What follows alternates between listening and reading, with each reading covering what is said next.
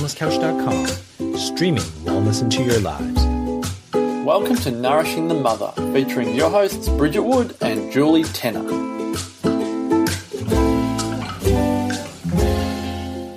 Hello and welcome to Nourishing the Mother. I'm Bridget Wood. And I'm Julie Tenner. And before we kick off today's Going Overdue and the challenges we face in pregnancy awaiting birth, we'd love to remind you to jump on to nourishingthemother.com.au and on the homepage there to scroll down a little bit to join our tribe.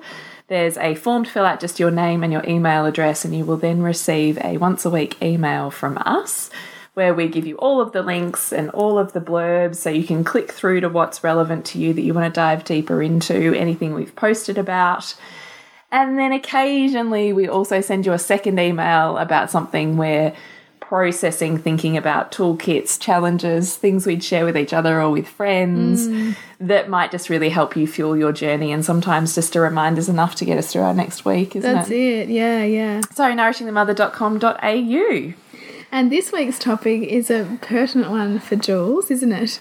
Going overdue and the challenges we face. Yeah, I wrote a blog post this week, which I'm hoping you might have read if you're listening to this because it may be relevant to you.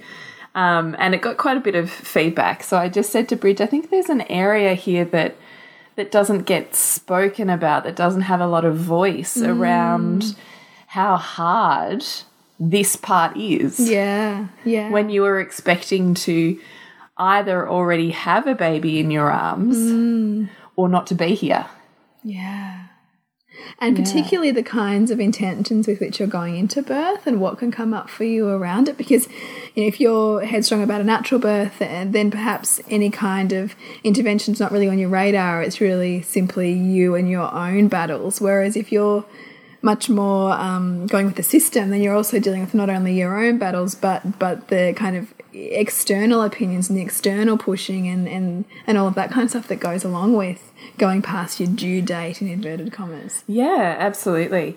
So we just thought maybe we'd just talk about this a little bit, maybe just pull it apart and I don't know, just kind of give some voice or some air to the the difficulty mm. of of being in this space of it's it's beyond waiting, isn't it? Yeah, and what I loved in, in the blog that you wrote was that you talked about how you you know you'd been on the receiving end of so many phone calls from clients who were in this place and so many. you know place of waiting and and you know, some part of you kind of felt for them but but didn't really to the extent that you now really yeah. really feel where they're at because this is the, really the first time that you found yourself this long past a due date, I suppose.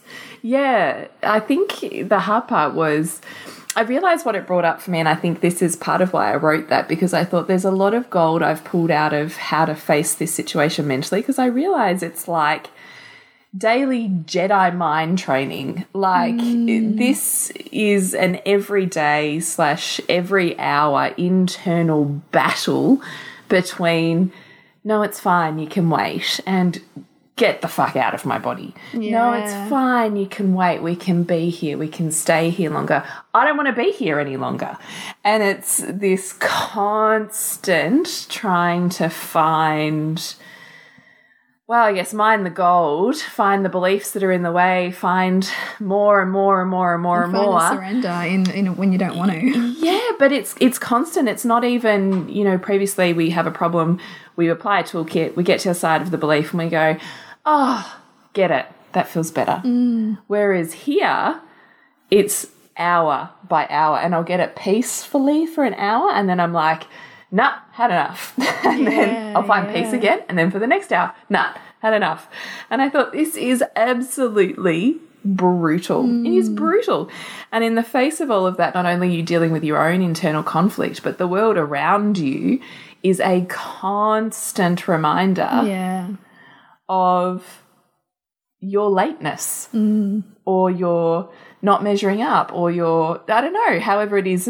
I think it's all well meaning, but it's constant. It's like that. Have you heard of that website? It's like called Have You Had Your Baby Yet.com. No, I haven't heard of that. Yeah, and it's just this thing, you know, I think people who go past the due date you know, as a joke, send this around to people because it's basically like this whole idea of no, stop asking. You know, it's, yeah, this, right. it's this particular website that you can go to, and, and it just makes a whole joke of this this thing that women find themselves in, and and the the that point at which we're just like women get to the point of just thinking, stop asking me, stop yeah, I'm Yeah. done. I'm done. I'm done with Yeah. the outside world. You know, I'm checking out. yeah, which is exactly what I've done. yeah. That's literally what I've had to do. I realized, um, I realized, uh, well, I'm now nearly a week past my due date. I realized on Sunday when I had a total fucking meltdown because I was 100% sure I was not going to go over my due date. This is my, and I realized the belief Why was that?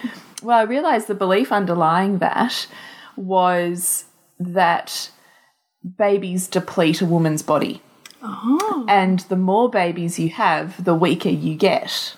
oh, that's interesting. So, therefore, in my world with this belief, yeah. my body and my cervix wasn't going to be strong enough to hold on to this baby. Oh, Plus, I mean, our whole conception was, you know, so totally random. And uh, anyway, I was 100% sure, and I realized that was the underlying belief that, and I can see where I've picked that up from in my lifetime that, you know, children suck the life out of our bodies. when in essence, it's total BS. Like, it's oh my total. BS. And I really went, oh my God. I've spent this entire pregnancy thinking that it might be strong enough to sustain, uh, you know, a pregnancy, but not strong enough to hold on to a really heavy baby who's so low down in my pelvis. The midwife can't even feel its head. Like, oh my god. I have a head between my legs, and still my cervix won't open. Oh my god. And so I'm like, I, you know, I laughed today. I had acupuncture today, and I said to her, I realized I had this belief last week. And she laughed at me and she goes, You know, that's got nothing to do with it. She's got everything to do with a woman's health and fitness and vitality and strength. And I was like, Yes. And then I had this flashback to the jade egg, and I was like, Fuck, has the jade egg fucked me again? I know I'm joking. I'm totally joking. But I was like, yeah, okay. So here I was thinking, no way was I going past my due date because to make it to 40 weeks with your fourth child, like, surely, you know, everything's disintegrated by oh, then and no. this baby's going to fall out. And I realize it's a floppy. no, and I realize it's actually the opposite because I'm probably more vital in essence hmm. than I probably ever have been. And so, in essence, that whole belief was based on, I think it's probably my mother's, you know, handing down of, Yeah. you suck the life out of me. And, you know, you hear women say this all the time with breastfeeding and Yeah. babies. And this whole mindset of it's taking out and away from me mm. as opposed to I'm stronger and bigger because of it. Do you know what I mm. mean? Yeah, I do. Yeah. And mean, so I spent a, quite a lot of time really sitting with, well, one, where that belief had come from, where it had taken me, where I picked it up, why I'd picked it up, blah, blah, blah, blah, blah. And then looked at where was the opposite true? Where had each baby and each pregnancy made me stronger, built me further, rather than depleting me? yeah. And so here I am with my fourth, uh, potentially more integrated than I was with my first. Isn't that interesting? And, it, and yet, popular culture or you know popular thinking would see, you know, how could you be possibly more integrated? How could you be possibly more vital? Yes. You know, as a mother of you know four compared to a mother of one or a mother of two. Yeah. So, which is really interesting. So, I really, you know, encourage you to really look at the beliefs that are underlying why you expected something to play out the way that it did. And there were a lot of beliefs. Like, I went through quite a lot um, of journaling to work out what was underlying each one of those pieces. Um, and really dealing with emotion that was moving through my body. Um, and I realized I really had to stop hanging around people. That was what brought me here. Was because the constant, oh God, you're still here. I'm like, yep, still here. Clearly, you know, like even I'm not an illusion. no, it's not a mirage. and even today, I'm at bas- I went to school for the first time today in all of this week, so we had basketball training. And even everyone's like, oh God, get out, baby. And I'm like, yeah, all right, you know, Yeah. I'm still here. Someone walked past and go, "Who the baby yet? And I'm like standing there going, I open up my jacket going, no, still here. like, you know, I just thought this is why. And even my mum, so my mum's been really beautiful this week and she's helped me quite a bit with shuffling kids and things. And I had this mini crack at her yesterday, I think it was, because every time, oh, anything, any twinges? And I'm like, Oh, no, I'll bloody tell you when there is. like, you know, I'm so sick of this. Da, da, da, da, da, you know. yeah. And she go, oh, sorry, I didn't, I didn't know, you know. And I felt bad at the time because it was a bit of an overreaction. And um, anyway, so she gets there today, and I was just saying to my husband before, she didn't ask me today if there was anything. What she did instead was tell me all the people that have asked her. oh really? just thought, oh god. And we had parent teachers tonight, and my whole son's class has got bets on what day the baby's going to oh be born. Oh gosh, pressure. And every day the kids are, are asked, but we now have bets at home about how many times they've been asked in a day about whether they've got a new oh. sister. Like it's just insane. yeah. So I've completely hibernated from the world, and I'm completely, totally, and utterly bored, which is driving me bonkers. Yeah. I think the boredom's driving me more bonkers than anything else.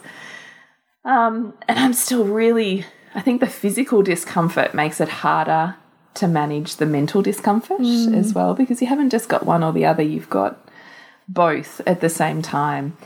And this week there's been two women that I know that have had their babies, Yeah. and I'm still here pregnant. Yeah. I think that that's also the big tricky one too. I mean, my sister-in-law is facing that too. That that everyone around her who was due when she was due has all had their babies, and and it's that whole waiting that it it makes the waiting feel even more, um, you know. Certain and clear, and, and, and it's just you on your own now. You know, you're just kind of waiting. It's almost like the the bus didn't come. you know, like Yeah. Feel you just left, like going, "What do I do?" Yeah, it's true. Mm. And so then you're in this constant battle with yourself. And I just really, in that blog, I really wanted to honor honor that inner battle. And as you and I say, you know, listening to the feelings that come up and allowing there to be an expression of those feelings, very much a movement through the body so that you can get to the mental side of it on on the other side of that expression, which you can't get to if they're just festering and continuing as a cycle within your body as opposed to having movement and fluidity through your body. Um, and then getting real with the people around you. So, you know, um, Sunday, the due date, when I completely, totally dropped my bundle, we were supposed to, I'd organised babysitting, we were supposed to go to my brother in law's um, birthday party. And my beautiful husband, I chose to be like, I'd um, had another anger, you know, let out, and I'd smashed the bed and um, melted down into tears. And he'd walked home at that point, and I just kind of went, bleh. I just kind of like, I'd kind of written everything down that I was feeling at that point in time. And completely let him see every ridiculous thought, every ridiculous notion, belief, completely unedited. Which, to some extent, I've always edited bits and pieces. Mm. Whereas this was a f- probably one of the first, just complete. Here's the spectrum of, you know, thoughts. And they were stupid thoughts, you know, things from this baby's literally never coming out of my body, it's going to die in my body, mm-hmm. to, you know, the lesser ones of I just can't do this anymore and blah, blah, like everything. Mm. I got the opportunity to just say everything. And he completely just held my space and just sat there with me. And it was just so beautiful. And then he said, I'm cancelling this afternoon and we're going out. And I just went, no, don't do that. You don't have to do that. You know, obligations, blah, blah, blah, blah, blah. And he said, no, no, we're going. Um, so we went out on a date instead of going to the birthday party that we were supposed to go to, which I was in no state to go to. Yeah. Anyway. Yeah. Would, yeah. Um, and so we went and had a wander around the botanic gardens together and sat in the sunshine and uh, went out for dinner. And it was just really lovely. And then we went to like this um, ocean view kind of lovers lookout that's near us. And we made out in the car for like an hour. Oh my god, that's so It gorgeous. was so great. And so we got back home, and I just felt completely and totally in love to the point where my brain had done a complete 360 from earlier that day, thinking, how could I possibly still be pregnant and this is shit and get me out of here? To God, baby, thank you so much for not coming today because. yeah. I've just had the most incredible experience today of love, deep, deep love and resonance and and reconnection of passion and sensuality that you know we hadn't had in weeks. Yeah. It's beautiful. And so I literally went to bed just feeling almost on the verge of tears of gratitude of this is okay. You know, I'm really I'm really happy to still be here. And that was which I wrote in the blog post as well was when I started really thinking about intention and how those intentions are met with each birth. And it was actually my husband who had said um, who had said to me, You've had amazing births every time, right? And I went, Yeah, they've been amazing. And he went, But none of them went to plan. And I went, No, you're right. None of them went to plan. And it was such a great reminder of there's a difference between a plan and intention. Mm. And how we how the universe constructs itself to meet an intention, not a plan. Mm. And I then started thinking about each of my births, and I thought, do you know, that's incredible that each of my births, the intention has been met in some and many ways, but they've never rolled out the way I visualized in my head they would, or the way I planned for them to. But the end goal intention or affirmation always has. Mm, but not always in the form that you would expect it to. Not in the form, yeah, that's a better mm. language. And so I was thinking about this one, and I was like, I knew weeks and weeks and weeks and weeks and weeks ago, I'd made the intention of this birth is is about love because this is about reconnection. Hmm. And then I looked at all of the ways that this love was coming to me, just not in the form that I thought it should, hmm. you know. And I just was hit with such incredible gratitude that it just carried me through another day before I hit that minefield again. Yeah. And then, you know, I read this passage in the book, which I also wrote in the blog about just being grateful for, okay, it doesn't go to plan. Great. What's the benefit of that? What's it mm. bringing you today? Blah, blah, blah. Mm. But every day is a mindset battle. Mm. And I think that's the hard part with being here. Yeah. It's also the first birth that I'm in a hospital system for, as opposed to a home birth system. So it's also the first time I've had to book in induction processes. Mm.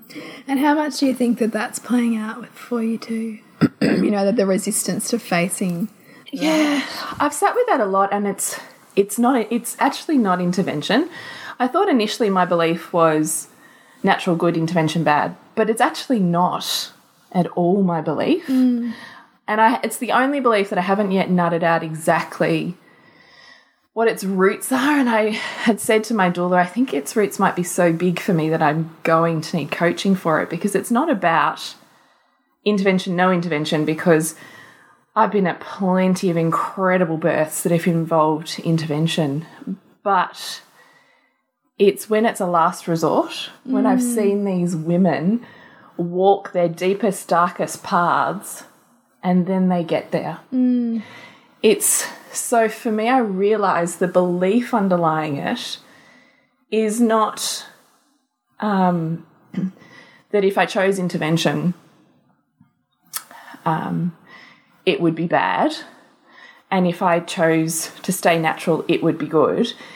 It's that if I don't give myself the time and the space to walk the deep path, if I'm not a willing woman to face her shit, then the flip of that is worthlessness. Wow. So I honour women who face their shit, and I dishonour women who choose the easy route. And I still haven't worked out what that is. I still don't know exactly where that's come from. The only dots I can join at the moment are um, my sister was incredibly, you know, intelligent. Everything came easy for her in schooling years, and I had to fight and struggle to get where I got in mm. schooling years. Mm. But it doesn't feel deep enough. But that's kind of, I guess, the same resonance. Easy route bad, hard route good is essentially Yeah. what that belief is. Yeah. And yet I know that the flip of that belief is the easy route often leads to the hard route, hmm. and the hard route often leads to the easy route. And it's also also about empowering every area, right? So there'll be some areas where you're taking the easy route, but this is a route, area of life because it's of such high importance to you that you're taking the hard route because you want Yeah. the outcome you want. No, exactly. And I can totally see how this belief has served me. I can see how it continues to serve me. Hmm. It's not even necessarily a belief I want to let go of. Yeah. What I don't want is the sting that it brings with it. So the fact that it's got an emotional edge to it says to me that there's a trigger there. That it's not just a belief I can choose to carry on my Yeah. because I can see the, the benefit in it Yeah, it's coming. there's a trigger and i just can't work out exactly what that particular trigger is so the thing is it keeps then it keeps me striving right so instead of because i could have i could have at any point this week walked in and gone get me that induction Yeah. anytime. I was at an appointment on Tuesday, and midwife said, What do you want to do? We can do da da da da da. And I went, Yeah, it's really tempting because I mm. really don't want to be here. I'd really rather be there. Yeah. And you're offering me an easy way out. Mm. And I could take it. and um, I just really sat with it, and my husband had come to the appointment with me, and I'd said to him beforehand, even as we are in the waiting room, I said, I know they're going to offer it to me. I said, I'm in two minds about it. And um, it was great. He just sat with me and he went, Yeah, you know, I, I get that. But he goes, I know you too. And if you said yes today, as opposed to next week, you'd regret it. Yeah. And I went, Yeah, I would. So I said to this beautiful midwife, You know, thank you. I really know that that's an option, and I'm not going to lie, I'm really tempted because this is shit. Like where I am right now is shit. I'm uncomfortable and it's awful, and I don't want to be here anymore.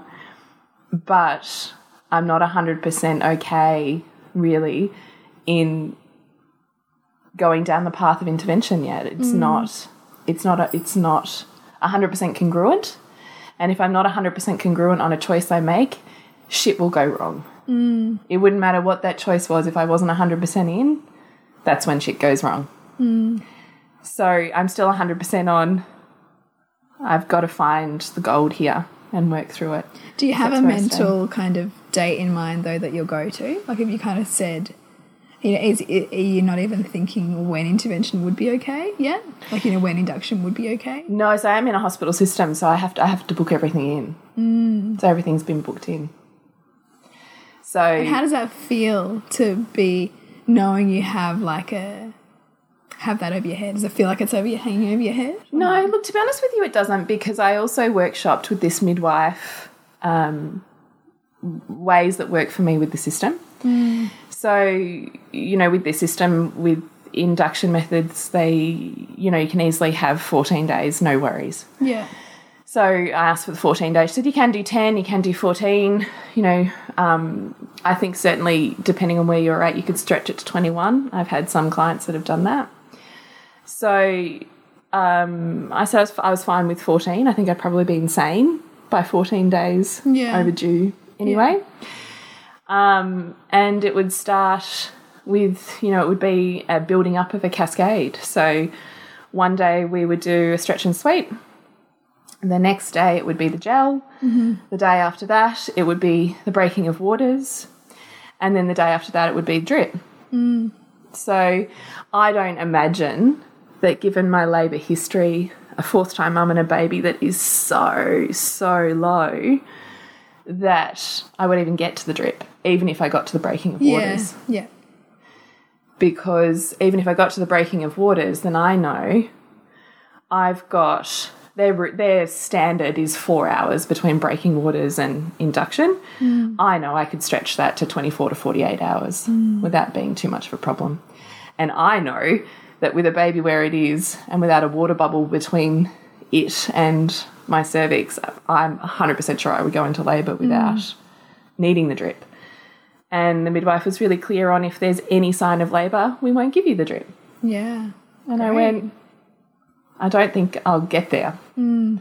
So, you know, I mean, there's comfort, I suppose, in knowing there is an end date when in your head every day you're like, it's never coming out. It's never hmm. happening. Hmm. Um, it would still, I'd have to face a lot of fear to still be there doing those forms of intervention. Even a stretch and sweep. I've never had a stretch and sweep before. You know, um, no one's hands have been up my yoni beside my own. Yeah, you know, yeah. so to even have that whole concept is is um, to face a lot of myself, I suppose, to be there. Um, but then I also think if I get there, it is my last resort because I know I've done everything before I've got there. Hmm. And I think knowing that means by the time I get there, I'm 100% congruent with being there. Yeah. Because you face everything. There's nothing else. left. Yeah. There's no door unopened. There's no stone unturned consciously. Hmm. There's nothing that I haven't tried or wouldn't try. Mm-hmm.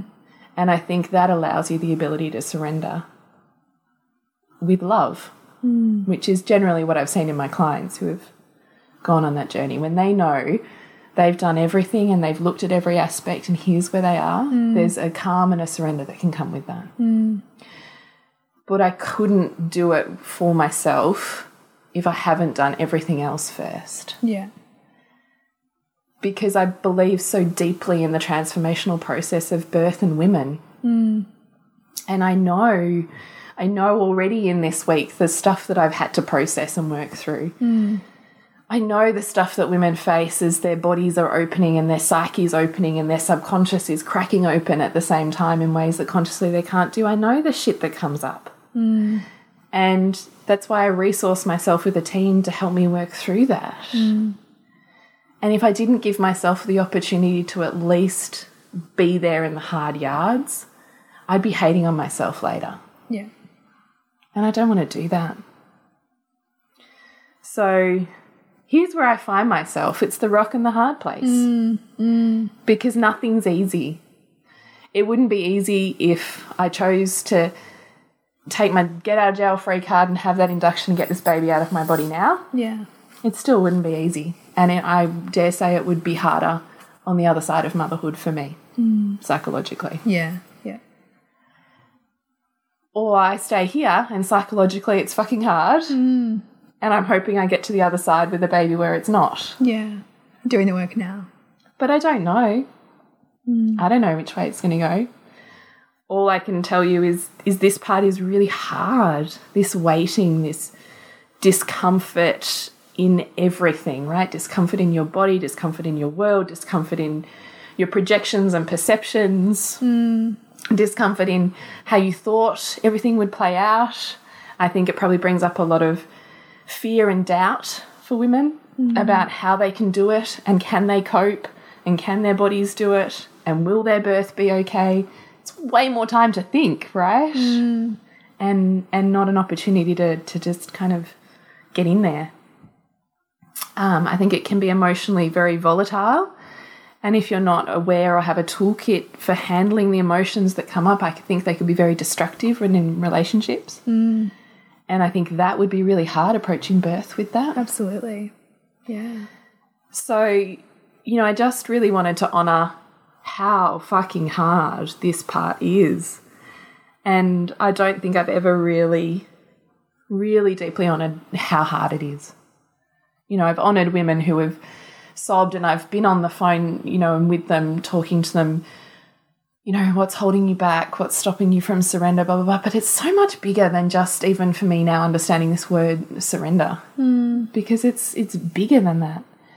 It's totally calling us into this cracking open of our subconscious to the beliefs, to the barriers to love, to hmm. You know, like it's it's bigger than this word that I thought encompassed everything, which was surrender, which now I kind of go, it's fucking not, right? Because it's not passive either. Yeah. Yeah, it's, it's you're you're you're in depth in a very very active process of having to mind through Yes, you're having to like be really active Yeah. in the process of working out what the fuck is going on mm. in your head.